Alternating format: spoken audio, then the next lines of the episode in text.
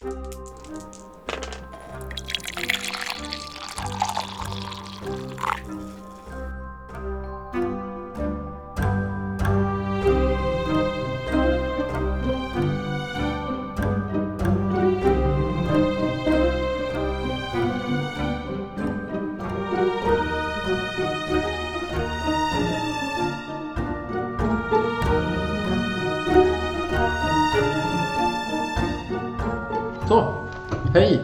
hjärtligt välkomna till Rollspelsfika.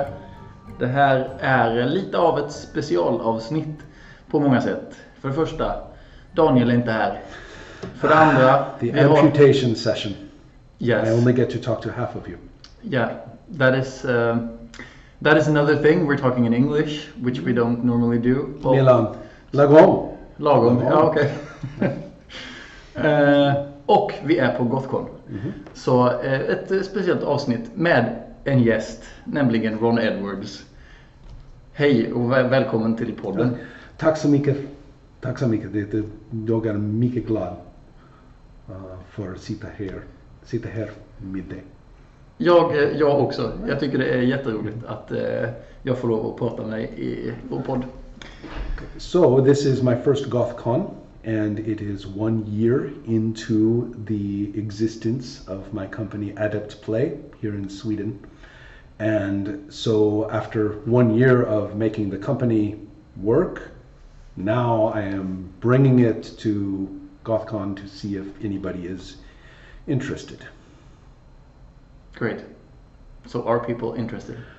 I have been surprised. There have been some really great uh, responses. People have been uh, very interested in what I'm doing here. I'm going to be running some old RuneQuest. I'm going to be uh, talking about fantasy in some panels, and I have received, I think I expected to see what I saw, which is a really excited, creative scene for play and for publishing.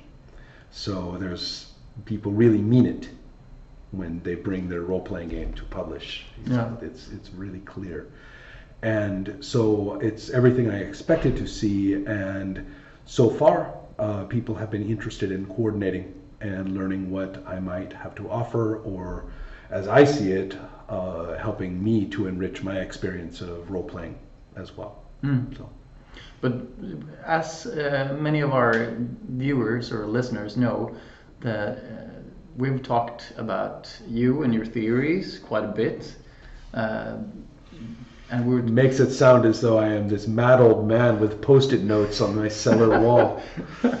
yeah, but um, I was only trying to say something obvious so I could talk about something interesting later, and everybody has been arguing about Yeah. the obvious ever since. yeah. So perhaps it's not that obvious then. And I think that in our first episodes we got some of the theories, or like we misinterpreted many of the things, and like what I'm thinking is that many people think about role-playing games, and me and my partner Daniel, uh, we're talking about role-playing games a lot on our, our podcast, and that is my outlet for talking theories about role-playing games.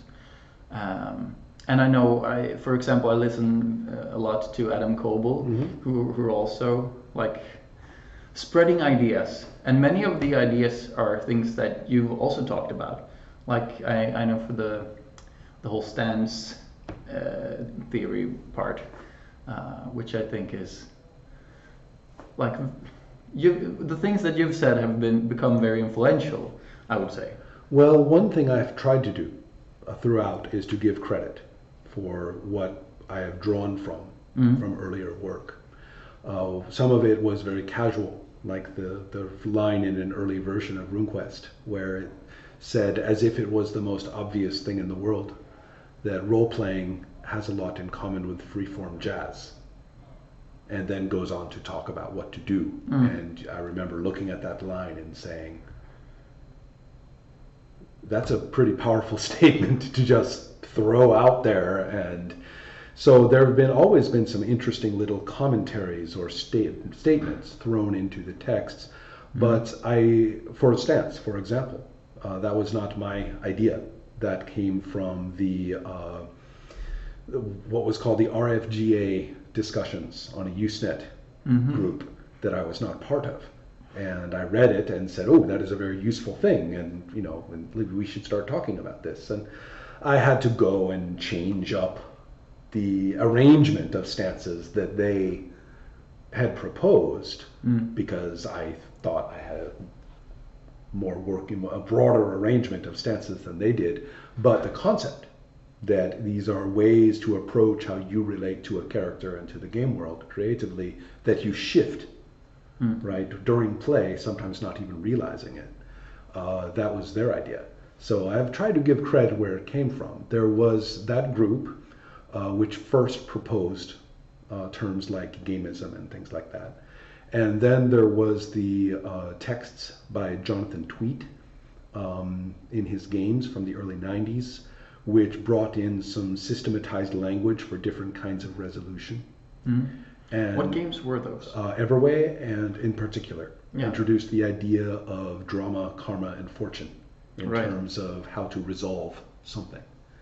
And then you had uh, a brief interactive fiction, it was called, interactive fiction magazine or journal, was founded um, by, uh, I, I'll have to look at the precise names, but it, it's the same community that produced companies like Hogshead, Robin Laws, and um, John Tynes, and people like that uh, were, were involved. And they tried to get kind of a more published article, scholarly approach going. That sort of thing is a lot more common now that role playing is beginning to come into academia. But so there's there's always been a history of people talking about these things. If you look at the old zines, uh, the the Amateur Press Alliance zines, which I don't, I'm not even going to describe to you what that was. It's Yeah, the most low tech imaginable form of the internet that involved stamps and photocopies. and they uh, there were there was there's ones that go all the way back to the beginning of the hobby. A very famous one called Alarums and Excursions, that's full of people talking about what on earth do we think we are doing? What is this activity? Yeah. And I think I'm going to jump to an obvious question, or maybe it's obvious because we chatted about it already, Mm. um, to just jump to uh, the most challenging version of the of this question, which is why bother? Who cares if everybody is out there just enjoying role playing? Why do you want to cause trouble? Yeah. and talk about it. Isn't that first of all, there's the romantic view that isn't that just going to ruin it? Right? Aren't you just going to ruin it if you if we overanalyze it? Let's not touch the magic. You'll make the magic if you touch the magic, it goes away. Right? That's that's one attitude. Mm. Another attitude is along the lines of relevance, which is uh, even if even if there's this amazing discourse or whatever, how on earth is that going to touch the experience of people? Well, here then comes a claim, which is that we are not talking about a bunch of paid experts sitting in a university talking about these things. We are just role players. And I find it actually pretty clear that when I sit down with a group of people and we are playing and we have no claim to being important or no claim to being intellectually placed in a special way toward the activity, we're just playing. You're going to hear a lot of statements about what role playing is or is not. You're going to hear a lot of statements about what works and what does not. You're going to hear a lot of uh, claims. Uh, some of these are very emotional and others are not. Uh, they have a great deal to do with the history of that person and they have a great deal to do with the systems. For a, for a culture which often claims system doesn't matter, they sure seems to argue and fuss about it a lot. And so I think that when you bring up questions in that environment, now there is no average gamer. I love it when people say the average gamer because I mm. say, oh really? You know, you know, if he's so average, how come he's not sitting here? And so the without using that term, but to say in an environment of conversation where we are not supposed to be solving problems. We are not supposed to be. Nobody is. Nobody said, okay, this is going to be our big analytical session. We are going to have the role playing symposium now. No, we are just talking about role playing together. Mm. And you will find some very powerful thinking. You will find some very lazy thinking. And you will find more than anything that the people talking really care. And so the idea that many role players that, that or one might even say the majority of players, the most players, you know, the, the hobby, the average gamer, whatever they mean by that. When people say the average gamer, what they mean is most people, which is a different concept, but that's what they, they mean. And so if the claim is, well, most of them just don't care, I beg to differ. I think they care a lot. And that if you make it okay to talk about it, socially and personally, okay to talk about it, you're not going to scold them or tell them they're wrong or uh, ruin their, their participation, uh, that you will learn a great deal. So I think there is a lot of genuine interest and possible insight Mm. from the not the fact that certain people have said, well, we are going to be the intellectuals of the hobby. No, the fact that we are not is very important. Yeah. That we are players who happen to make it okay to talk about it. because I use that word, the average gamer, uh, and what I what I meant, what I what I realized that I meant is that, like, I'm I have this vision that we talked about just before that it is mostly GMs who uh, who go out on, on forums and search for like ideas uh, and just, like talk about role playing games. Well, many players, I, I would presume, also talk in their groups, but I think that in many role playing groups, they don't talk about what they're doing at that table or perhaps ever.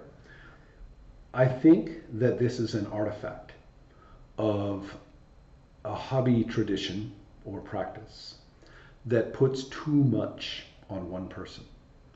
Uh, we can make we can divide two very broad categories. One of them have to has to do with the procedures of play itself. The other has to do with purely social phenomena. Where do we play? When do we play? Who gets to play? Um, how is it situated with other social activities like eating? Uh, what all those things. Uh, who is the emotional anchor for the activity, if anybody? Mm. All of those things, which apply to any social leisure activity, typically you have people who either take on or trade off leadership roles in those things. And that's perfectly normal that somebody or somebodies are doing that. I get that. How come in role playing that is also often confounded with being somebody who has a special procedural role for the activities? Say we are playing sports together and one person is particularly good Mm. at understanding the rules of this game. And should we ever kind of get a little confused about volleyball or whatever it is we do, we can always ask, Mm. you know, Hans, because Hans knows. Yeah. Um, but Hans is not the person who is organizing us all to get together to play. That is Sarah. Sarah is doing that. Yeah. Sarah's great at that. You know, if it weren't for Sarah, we would never get together. It would never work. So do you, so do you why think- why do we make why do we make Hans and Sarah be the same person in role playing? That doesn't seem fair at all. Yeah. No, you're right. And then we look inside the procedures of play. And there are plenty of places to slice that up as well. And one of my favorites also pertains to kind of the, the Hans thing, which is I'll give an example. In many of my games now, even ones I have written, I designate someone else at the table, or not, it's not me designating, but I prefer to that someone else in the table does this if they can and want to. They look up the rules. They have it. You know all those things where the GM says, "Let me check the rule." Mm. I'm, I'm, I'm GMing the game. I have other things to do. Yeah. I'm, I'm interested in the rule too. You know, Peter, what does it say? And Peter looks it up. Peter's got it, and what Peter says goes. And the fact that I am playing the game master, which means that I am playing the NPCs, that doesn't mean I'm the one who gets to go and judge how that rule applies. Those are two completely different tasks. Yeah.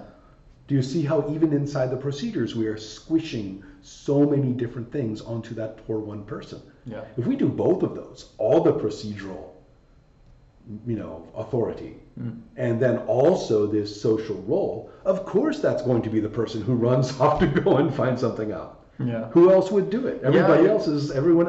Everyone else is like, well, you know, he does it, she Yeah. does it, and um, and and I think that you're probably right that in many such cases, unfortunately, the other people playing have been forced into socially and creatively subordinate positions that are actually not particularly necessary. And don't, not you, but you out there, don't try to say, oh, but that's traditional. No, no, don't talk to me about that. We, we can be talking about the game where we have a game master and we have players, and the agency is mostly concentrated on the characters for each player and mostly concentrated on everything else for the GM.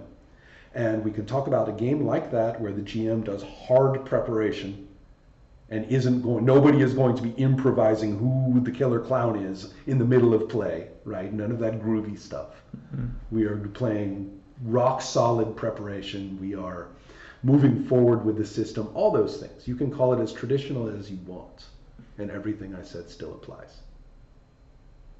But I'm thinking that the reason why we squish in all those roles into the same on the same person is because well traditional role-playing games are written in a way that suggests that the GM has to to know know it all and the other players well I think well for myself I feel that a heavy rules text I couldn't I couldn't ask my players to know all this. I, I mean, for for be, to be able to play the game at all, well, I have to know this because I couldn't ask this of my players because it's too much.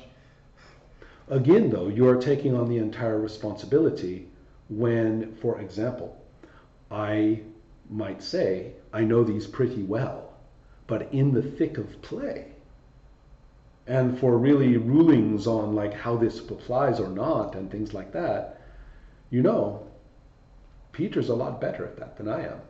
And he's the kind of guy who picks up the rule book and memorizes it anyway, even if he is a player. Hmm. And so, as long as you have him at the table, why not let him be good at it? Yeah, sure. And the so let's go back to that term traditional though, yeah, because the fun part about that is that traditional and original are not the same thing, no, right? So when does traditional begin in role playing? In term the terms you were talking about, specifically in terms of this this uh, in in English den daddy GM, right? Mm. The the you know the, Okay. the, the the leader of the little troop of children that you know it's, and so who when does this model come in it does not come in with early role playing it comes in with with the conventions the organization Mm. called the rpga in which a certain standard of running d&d was established in the early 80s Mhm. and I can even point to the modules when the modules shift from being combat tournament competition modules into walking through the steps of the adventure modules All right. with the rising action and the NPC's opinions written in as you go. And the idea, of course, in these convention situations was reproducible results. Mm. The whole point was not to have players have agency because then it would turn out differently yeah, and you don't the, the success was that it didn't turn out differently and so effectively speaking the player is taught that they're allowed to be thespian if they're playing the paladin they talk in bullshit shakespeare or something like that What what does thespian mean? thespian like an actor yeah, okay. right they're just to be completely completely uh, colorful Mm. in your way and then i was making fun of that you know, because it's usually not particularly talented you just do your shakespeare talk that you probably learned from Thor comic books, Yeah. and you you you know are playing a paladin now. So, but that's what you get to do, and in that context, really the players do turn into ducklings. Yeah. They, they are there to receive. They are there to participate by their acting skill, and they are there to experience what the adventure is going to provide to them. And the GM is the vocal avatar of the adventure text. Hmm. Now, by the time you get to early 1990s texts, this is treated as given for many, many games and it's the the idea being that if the GM can get us through the saga, we will have our gorgeous fantasy saga, Yeah. our epic fantasy, and uh, the you know woe betide the the gamer who has the gall to suggest that his character could do what he the player says the character does Yeah. because that's not going to help anything. And so when you have that kind of creative subordination going on, it's it is social subordination, and it also means that of course the players are not going to be empowered to have opinions about this. Of course we are humans, so they have opinions, and then you get all the passive aggressive Yeah. versions of their opinions Definitely. coming in, and you have power struggles and creative struggles at the, at the table, which are not based on what you want to happen in the fiction. They are based on being annoyed with one another. So that's the most negative version. What I'm saying though is if you're going to find, if you're looking across people who have been playing with the majority of role playing texts, yes, you are going to find that the only person who feels empowered to go and seek answers or even find the right questions or to see what other people think, it's going to be the person who feels like they have some agency to do it at the table. And so I don't think I, I think we're talking about a pretty complex thing. We're talking about what has happens, what to the word game master. Hmm. And then you are looking at, I think, a side effect of that Yeah. because I think when people are somewhat more empowered at the table, and I again I don't necessarily mean that they get to make stuff up in the story and things like that. What I mean is that they are empowered to act upon the existing system and knowing that we are going to abide by it. It's not subject to extrajudicial, No. you know, overrides. That if you are able to play like that, then you feel like you are really sitting at the table with people who are listening to you and paying attention to what you roll on the die and respecting that. And then I think you're going to find people who are pretty vocal, pretty interested, Mm. pretty active in seeking dialogue Yeah. about play. So I'm thinking uh, uh, as a metaphor, like uh, if we're talking philosophy, people could go about live their whole lives without ever reflecting on upon what's the purpose of their living or why they do the things that they do, and they could have a perfectly happy life. Uh, but then, could it be that like it's not like living your life because in well perhaps it is because you're not entirely free to do what you want you're sub- you're, you're subordinate to a lot of things in life as well I think the argument is that reflecting on it isn't the philosophy. Reflecting on it is dialogue, is philosophical dialogue, but Right. that everybody is philosophically active, whether they talk about it or not, whether they personally analyze it or Yeah. not. The idea being that this that, that this person living their life is not just a that you're describing. Perhaps this this Edenic person, this person living in their unreflective Eden Mm. of, you know, the fulfilled life, uh, is perhaps we should say that person is indeed philosophically pursuing something. What is it that it leads them into situations that they like? What leads them into situations that they don't like? Uh, what presumptions are they bringing to their lives? all of those things mean the person do the person does have a philosophy so yeah perhaps i think that here's another way of looking at this okay biology not philosophy Hmm? which is a bit of a joke, but we, we take biology. And we are going to talk about the experience of being alive. Okay? Now, you don't have to talk about the experience of being alive in order to have the experience of being alive. Yeah. Right. So that's, uh, I think, a much clearer distinction. Yeah, yeah right. you're right. Number one. But now, let us say we become, some of us become quite interested in what processes are involved in being alive. What's really fascinating about those processes, and particularly at the most basic cellular levels, is we don't perceive them. You do not perceive the metabolism in each one of your cells.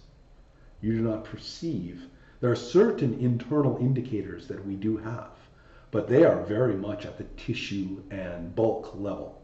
Mm-hmm. Things like blood sugar throughout your entire circulatory system, things like that. Not really we, we can feel our muscles contract, we cannot feel the processes by which they contract. Correct? Hmm. So as soon as you start to analyze things at that level, a number of people are going to listen to you and they will be baffled. Why would I want to learn some dreadful yeah. word like adenosine triphosphate? What the hell? It has nothing to do with my life. I can tell you, I live my life. And I can tell you right now, adenosine triphosphate is not involved. No. and I think that's actually a pretty important point that there is a degree of analysis in which you are investigating the processes and functions of things that are not going to be immediately relatable to the people who actually experience them, hmm. which includes yourself. And you will be analyzing things at a level that is sometimes disturbing because yeah. it has a massive causal impact. Like, for example, whether you die, which I assure you has something to do with adenosine triphosphate, and it's kind of important. Yeah. But you don't feel it. So we could discuss things at that level. That's what you might call the phenomenology of role playing. Hmm. You are you are looking at processes that go on that we do not perceive that we do, and even if we tried, we don't even have the perceptual mechanisms right, right to, yeah. to really get at them. And then you can say, all right, all right, that's really tough. Let's get to this physiological level about things that we can feel and stuff like that. And even that can be a little bit disturbing. That's when you say to somebody, you know, you you and and Peter got pretty uncomfortable with each other and you felt as though he betrayed, as you said, you, that he kind of betrayed the purpose of our party, the purpose of our play. He ruined the session when he had his character execute the prisoners. Hmm. I, you know, he, that's not what we do. That's not what we. That's not what I play for. That's what. Then I can say, oh, I have some vocabulary for you. There's something called a line. The things you do not want to have in this game. That's your line. Now, how do we deal with lines? Are there techniques to deal with lines? The, the only technique that a lot of people know is if you cross it, I'm upset. Yeah. And that's the only technique they have. Is that a good technique for anything? No, it's not. What about mechanisms by which you can inform the person that they're on at a line? And we know yeah. that we're not crossing lines. Yeah. What's kind of nice about that is sometimes you discover your lines are more more scary than you thought so the person, you feel as though this is getting uncomfortable, and they're like, wait a minute, I can, I'm okay with them executing these prisoners, mm. after all. So you don't know where your line is, no, exactly. right? Often, but so that's a good thing, right? Yeah. That that we're not having some sort of tedious discussion beforehand about no. what we will or won't do. But we know lines exist, yeah. right? I have had people cross lines that ruined the session for me, mm. and so when I use vocabulary like that, lines, and then I say, what are our techniques for doing it in play? Now we're talking at this experiencing life level. And we and, and in my experience, when people get that vocabulary, they're like, oh, that's fantastic. There's a word. Yeah. I could use that word mm. and we can understand that we have to breathe a little bit. And also, what's even better, I can take responsibility for my own lines and I cannot expect the GM to be a telepath yeah. And not only that, but a telepath who agrees with me and not with him. Yeah, exactly. So, but that's the expectation if you don't have the word for it. Exactly. You expect that not only is he not supposed to cross it or come near it, but the GM is supposed to know if he does, and the GM is going to rule something in favor of you. That's a ridiculous set of, of expectations. It's completely, as soon as you say it, you're like, okay, that's ridiculous. I'm not going to do that. Yeah. I've, I've, I have to start being a little bit more. Do I have to be angry or flinchy? No, because we know we are going to be kind of cool. There's also the veil, Yeah. which is things that you are okay with being in the fiction as part of what happens, but you are not okay with describing it, with having it be described. So you're okay with him executing the prisoners as a plot phenomenon, Yeah. but you're like, listen, can we, you know, can we fade to black on the gunshots? Let's know? not talk about and, the and we're all, and now, I'm, now we're all suitably disturbed. Sometimes now we're forced Yeah. to know that we saw, but we don't see in the fiction, and that's a pretty powerful technique sometimes. Yeah. And it's and it's nicer too to to let people say, I want to veil that one, Mm. and you're not shutting down the action, but you're talking about how we talk. Yeah. Lines and veils are a good example of very practical theory, right? Mm. Yeah. definitely. Usable tools. Yeah. And I maintain that it is very important that if you want to talk about usable, for lack of a better word, physiological tools, Mm. because we can feel, right, the, Yeah. the things. Um, if we're going to talk about the physiological tools, it's a really good idea to understand the phenomenology as well as you can. Right. But I agree that not that many people are want, going to want to go down there and learn as much biochemistry as they need to understand adenosine triphosphate. Yeah. Um, I get that, yeah. but but I I do think though there is a relationship between the phenomenology and the experiential Yeah. things. But this is something that we've discussed, me and Daniel, Mhm. regarding the pod- podcast as well. Because, like, at what level should we have the discussion? Right. So, our a thing that we've thought about is that we should try to make it as well as useful as as possible. Because then, as you said, people feel that oh, this is This is about me. This is Yeah. about what we do after all. this right? is something that I perceive and that something that I can use as well Mm-hmm. to to improve my experience at the table. Now, I do think that that discussion can only go so far before you do have to dip down. Exactly. And, and reference things that are, are not to be. You can say, for example, uh, I think that I'm going to live my life like this and like this and like this. And somebody could say, well, you know, the biochemistry of your cells is not going to let you do that. No. Um, and so, you know, that's it doesn't all have to be negative either. I mean, No. sometimes knowing the phenomenology can open up options that are actually possible. But th- that's That- great right. because th- we've had the exact same thing in the podcast. Mhm. Like when we have these discussions, we find the need to take it at a deeper, deeper Mhm. level, uh, to go into detail on a specific thing. And I think that is also a good way for the listeners to like open up. How does this detail? Like if we talk about that uh, phosphate thing that you talked about, like. I don't know how to relate to that. Of What course, should nobody I, can. What, Nobody what can. should I use it for? I What- can what- even draw a hexagon Yeah. on the board, and it's got the carbons in the right place and shit. And you're going to be, God, Yeah. what are you doing?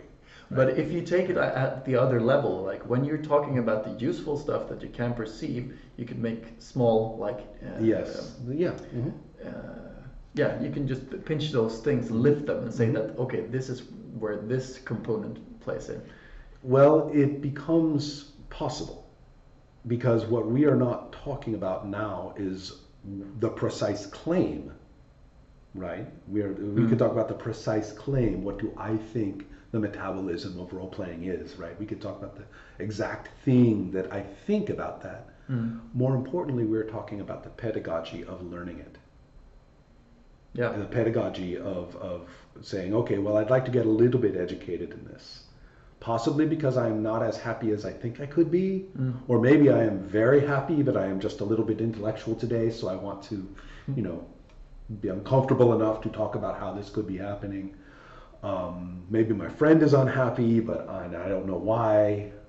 So, okay, we're going to talk about these. Well, it is worth recognizing that, as we say, talking about the accessible variables can only go so far Because sooner or later somebody is going to say, well, I guess that's true, but why is it true? Then we have to Yeah. dig, dig deeper into what is really happening. So, what would I pick for the most accessible things? Yeah. One of them involves all of those social accommodations like lines and veils. That's one of them, uh, which moves into some very interesting questions. Are we playing to take care of one another? Or, as Meguey Baker puts it, no one gets hurt? Or are we playing, as she puts it, I will not abandon you, which means let's find the lines.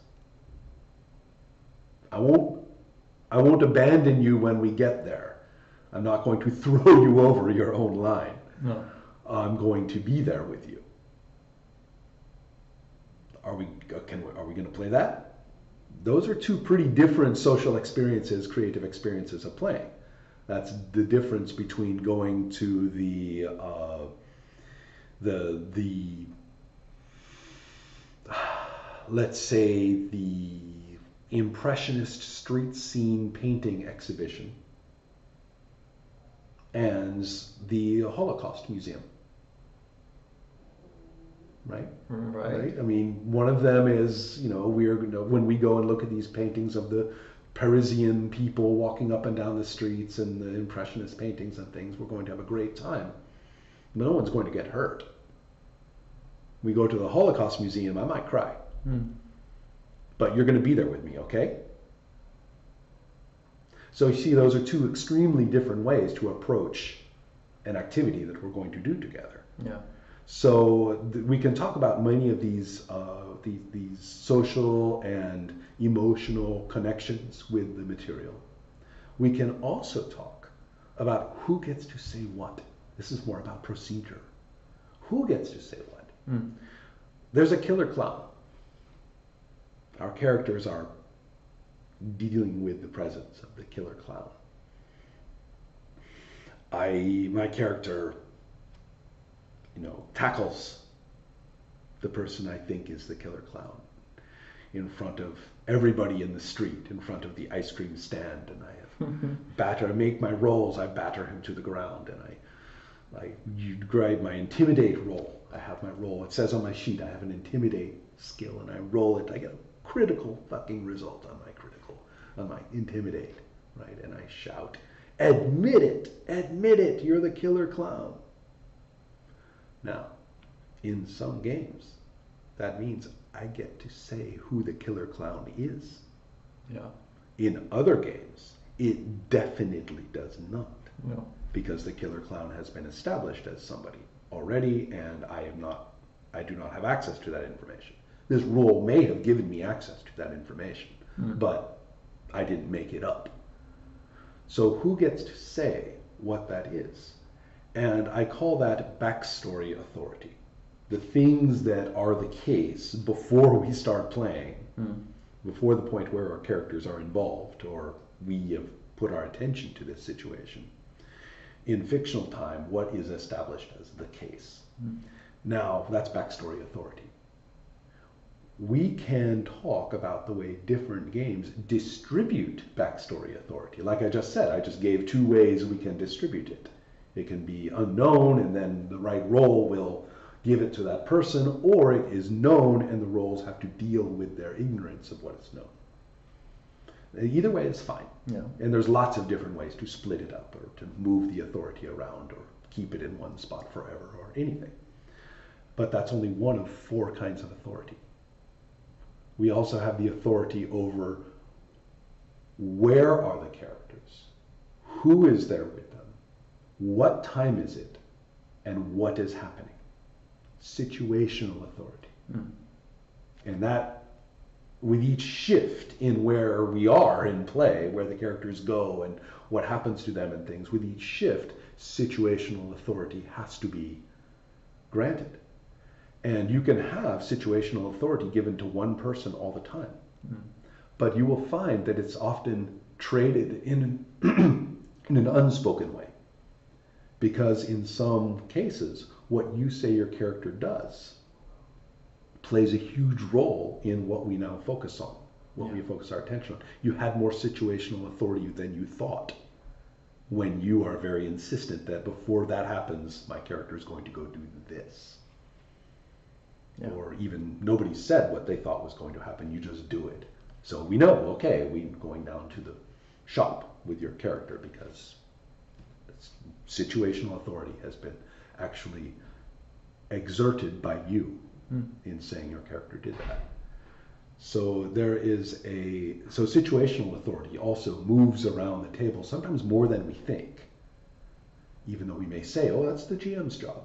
Well, pay attention to the table. You might be a little surprised at, at how much time, how many times it is handed around. Yeah. Uh, the, one of the most difficult is outcome authority because that takes us to the rules of resolutions. The rules of resolutions, which uh, are interesting. There's one entire mode of thought that says the rules of resolutions are always subject to extrajudicial judgment. Mm. And so that's when the outcome authority is handed to a person hmm no matter what, we can play with our dice all I want to, but you know the GM is going to. Oh, right, say, yeah, and it's sure. handed to that person. Mm. Or we can say, you know what, we are going to accept these weird instruments that we use as actually interfering with outcome authority all the time. So that outcome authority is constrained, badly constrained, by the bouncing cubes and that we are going to have to adapt. Our outcome authority has to be very adaptable to the constraints that have appeared through the instruments. Mm. And I think that we can talk about outcome authority as very important. Is it something that you accept the procedures as providing constraints for them? Or are you saying, well, that's just fake play? You know, you get to roll your stupid dice and feel like you're doing something, but the GM is going to say anyway. So, outcome authority is a pretty emotional situation. Mm. If I am playing in a game where I thought my use of the skills actually did what it says they are supposed to do, but the other person at the table, maybe the whole group at the table says, no, the GM has outcome authority. I'm, I'm going to be pretty irritated. If I knew the GM had outcome authority at the start, Yeah. and then I would say, okay, well, then we're all just using the dice when and if we feel they are fun, Yeah. I guess. then, then I would play that way. Or I would maybe choose not to play with that group, depending on my, my preferences. Mm. But if I don't, but that's the point. Problems appear when people believe different things about how the authorities are arranged. I'm not talking about good play, the best play, how, how authorities should be arranged. That's where the conversation always goes, and it's a terrible place to go. Mhm. I don't care. I mean, guess what? Your way is the best way. My way is the way that sucks, and I'm happy. If you're happy that about me saying that, I am very happy. you know, because that just solves a lot of problems for you to be superior. That's great. Um, but if we are playing and each of us thinks the other agrees with us about the arrangements of these authorities, we are going to have some big problems. We are going to really be upset with how each of us is relating to the information in play. Mm. Um, fourth kind of authority, the descriptions of things as outcomes. Um, I, I don't want to get into it too much. It's Mm. just that there, it seems as though that's a lot like outcome authority, but you know what? It's it's kind of different. Mhm. There are interesting ways to treat that as its own thing. I won't bother about it here. I just want to point out that Yeah. each of these four authorities is independent of each other.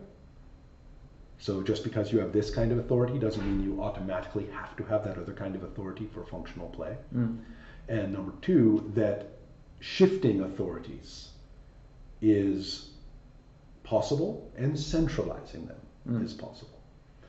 So do you see these are relatable techniques Yeah. that we can think about how we play and we say, oh, so this, yeah, that's funny.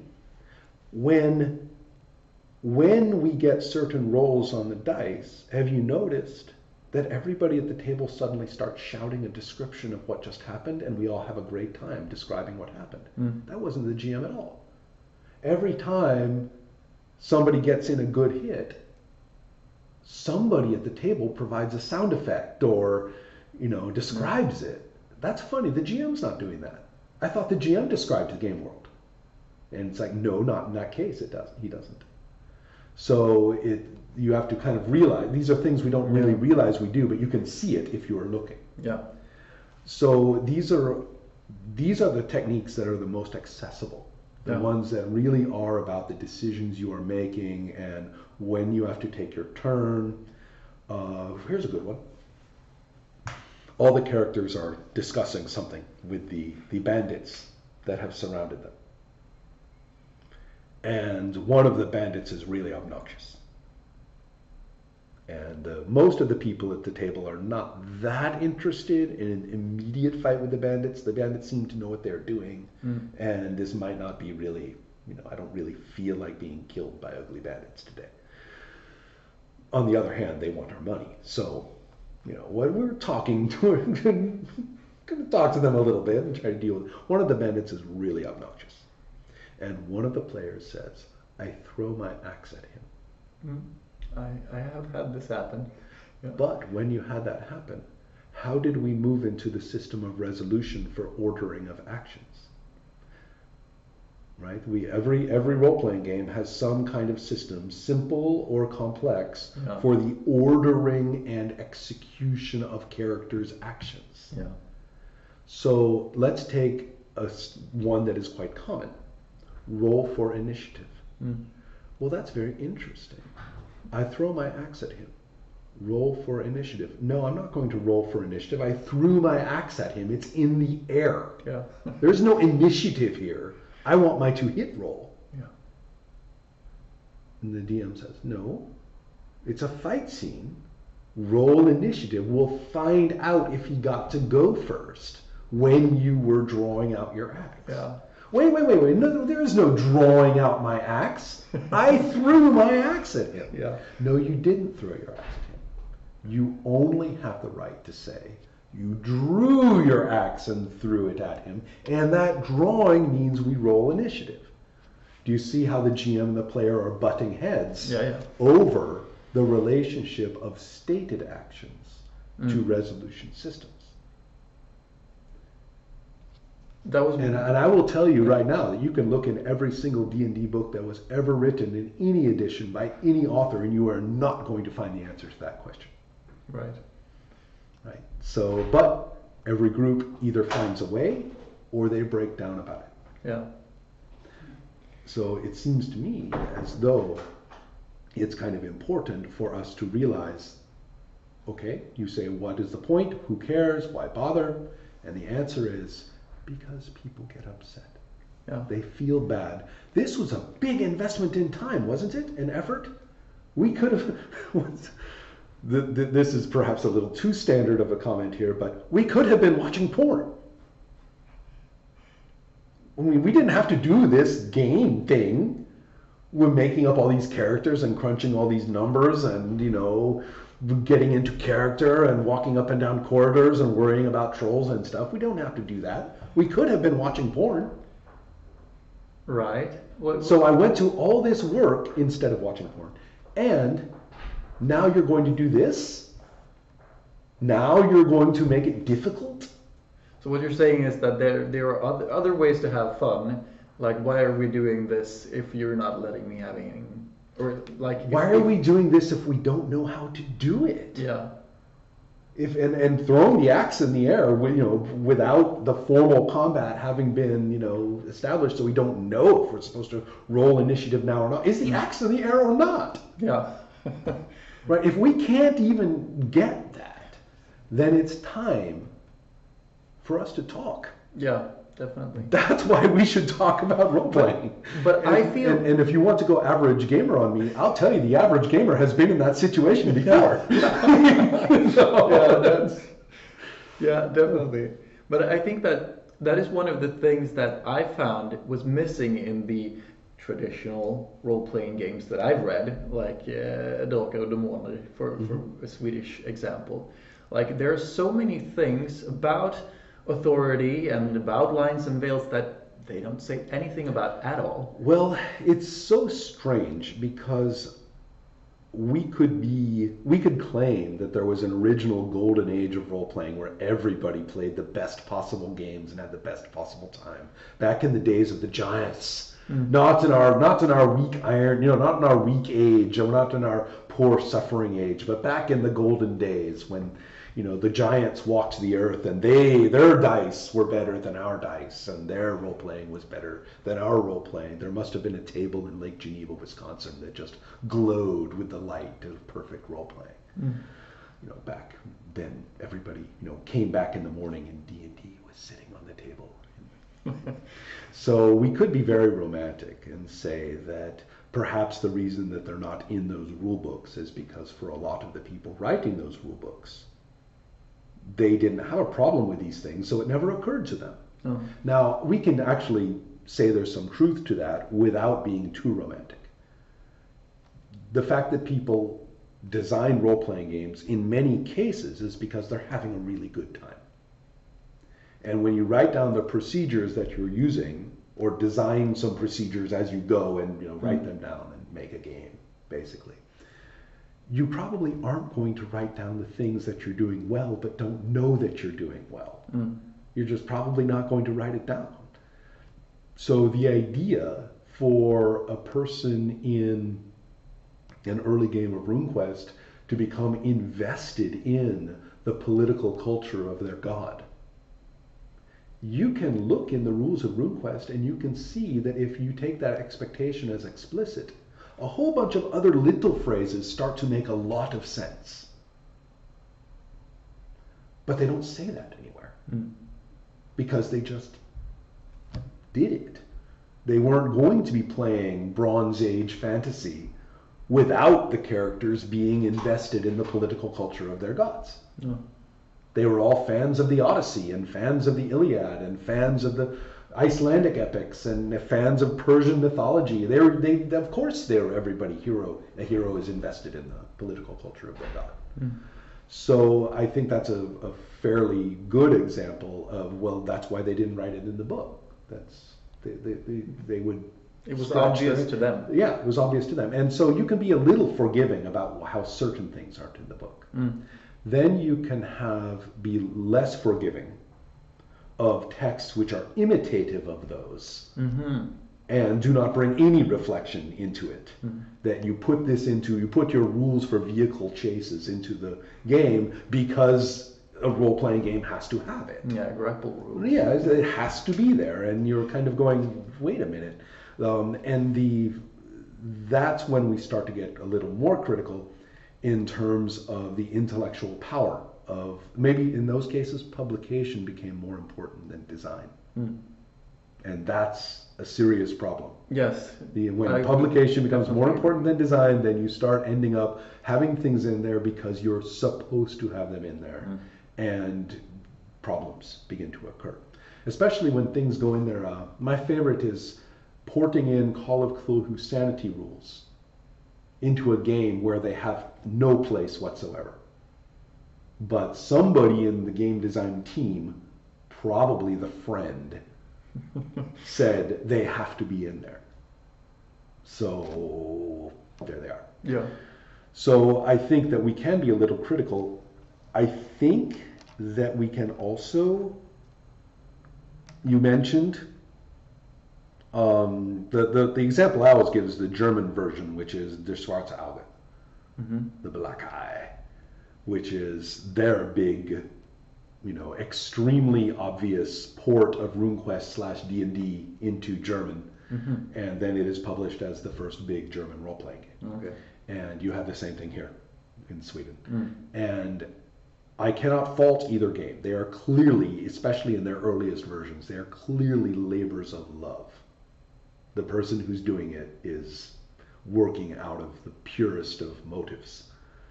And the trouble is, though, is that they are very much taking them as as as almost holy texts, mm. you know, of the way to do it. And it's a kind of an artificial exposure to role playing, especially if it's a high end production.